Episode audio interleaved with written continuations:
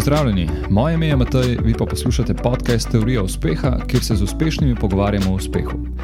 Preko intervjujev razkrivamo, kaj posameznikom predstavlja uspeh, in se pogovarjamo o navadah in strategijah, ki so jim pomagale na njihovi poti do uspeha. Vsak drugi teden pa objavljam tudi krajše, petminutne solo epizode, kjer z vami delim svoje monologe, nasvete oziroma moje filozofiranje iz naslonjača. Spet je na vrsti kratka solo epizoda. In sicer uh, današnja tema so sezone v življenju. Um, eden izmed podcasterjev, ki jih redno spremljam, je Chase Jarvis, fotograf, uh, founder platforme za učenje Creative Life in avtor knjige Creative Calling. On je pred kratkim imel eno epizodo, um, oziroma njegova epizoda me je spomnila na en tak pomemben nauk, uh, ki ga je tudi on verjetno povzel ali pa počrpal iz knjige Jima Rona. Mislim, da je knjigi naslov Sezone življenja. In če si razlagal, kako vse teče v sezonah, da v naravi imamo letne čase, imamo dan in noč, imamo primovanje, v športu recimo imamo nek on-season in off-season, se pravi, imamo vem, za zimske športe, imamo zimski del sezone in potem uh, poletni, oziroma prosti del sezone, ko ni tako manj. Um, olimpijske igre so vsake štiri leta in ne vsako leto, in konec koncev tudi naš šolski sistem temelji na tem, da imamo um, na eni strani puk in potem na drugi strani počitnice. Skratka, vse vedno teče v sezonah. In nikoli nismo v vse čas v neki aktivni sezoni, in niti ni smiselno, da bi bili v vse čas v neki aktivni sezoni. Um, in kar je zares pomembno, je to, da se mi zavedamo, da te sezone obstajajo in da znamo presoditi, v katerem delu cikla se nahajamo, oziroma uh, v kateri sezoni se mi momentalno nahajamo. In če kaj, kar se lahko res naučimo od narave, je to, da, kot sem omenil, sezone obstajajo in da obstajajo z nekim namenom, da imajo nek smisel. Um, čas aktivnega in kreativnega dela je sicer za nas ekstra pomemben, ampak če želimo, da bo na koncu dosežen nek želen output, oziroma da bo dosežen nek želeni uspeh, moramo imeti tu čas za regeneracijo, za planiranje in za učenje. Ampak običajno um, mi vseeno to nekako spregledamo. Um, nekako se nam zdi ta čas za regeneracijo neproduktiven, nepotreben, skratka brezvezen. In um, zdi se nam, da moramo biti iz dneva v dan, vsak dan, 100% pri stvari, delati in, in pač biti fokusirani na nekaj, kar delamo, in to je to.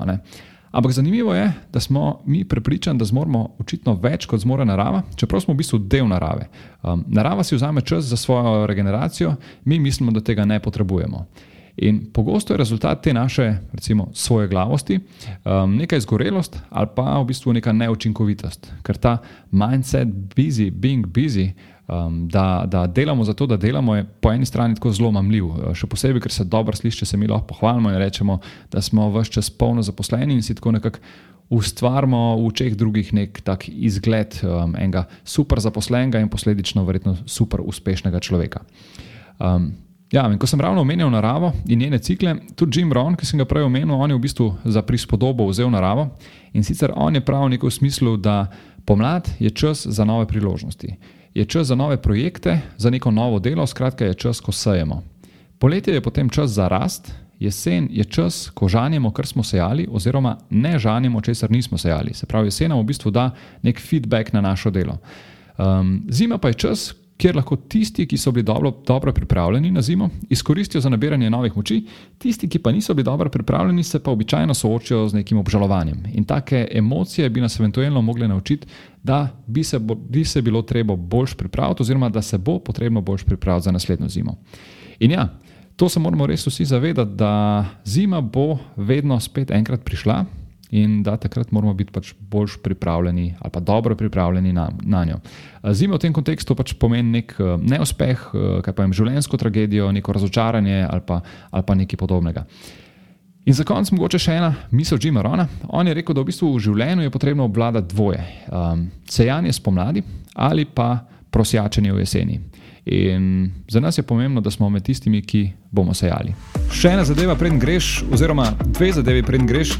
Najprej res hvala za poslušanje podcasta.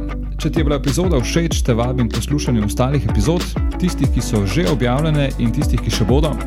Hkrati pa te prosim, da na svoji podcast platformi podaš oceno oziroma postiš komentar ali pa mogoče še več, da deliš podcast s svojimi prijatelji oziroma osebami, za katere meniš, da bi jih utegnil zanimati. In mi tako pomagaš pri širjenju prepoznavnosti podcasta. Še enkrat hvala in se slišimo v prihodnji epizodi.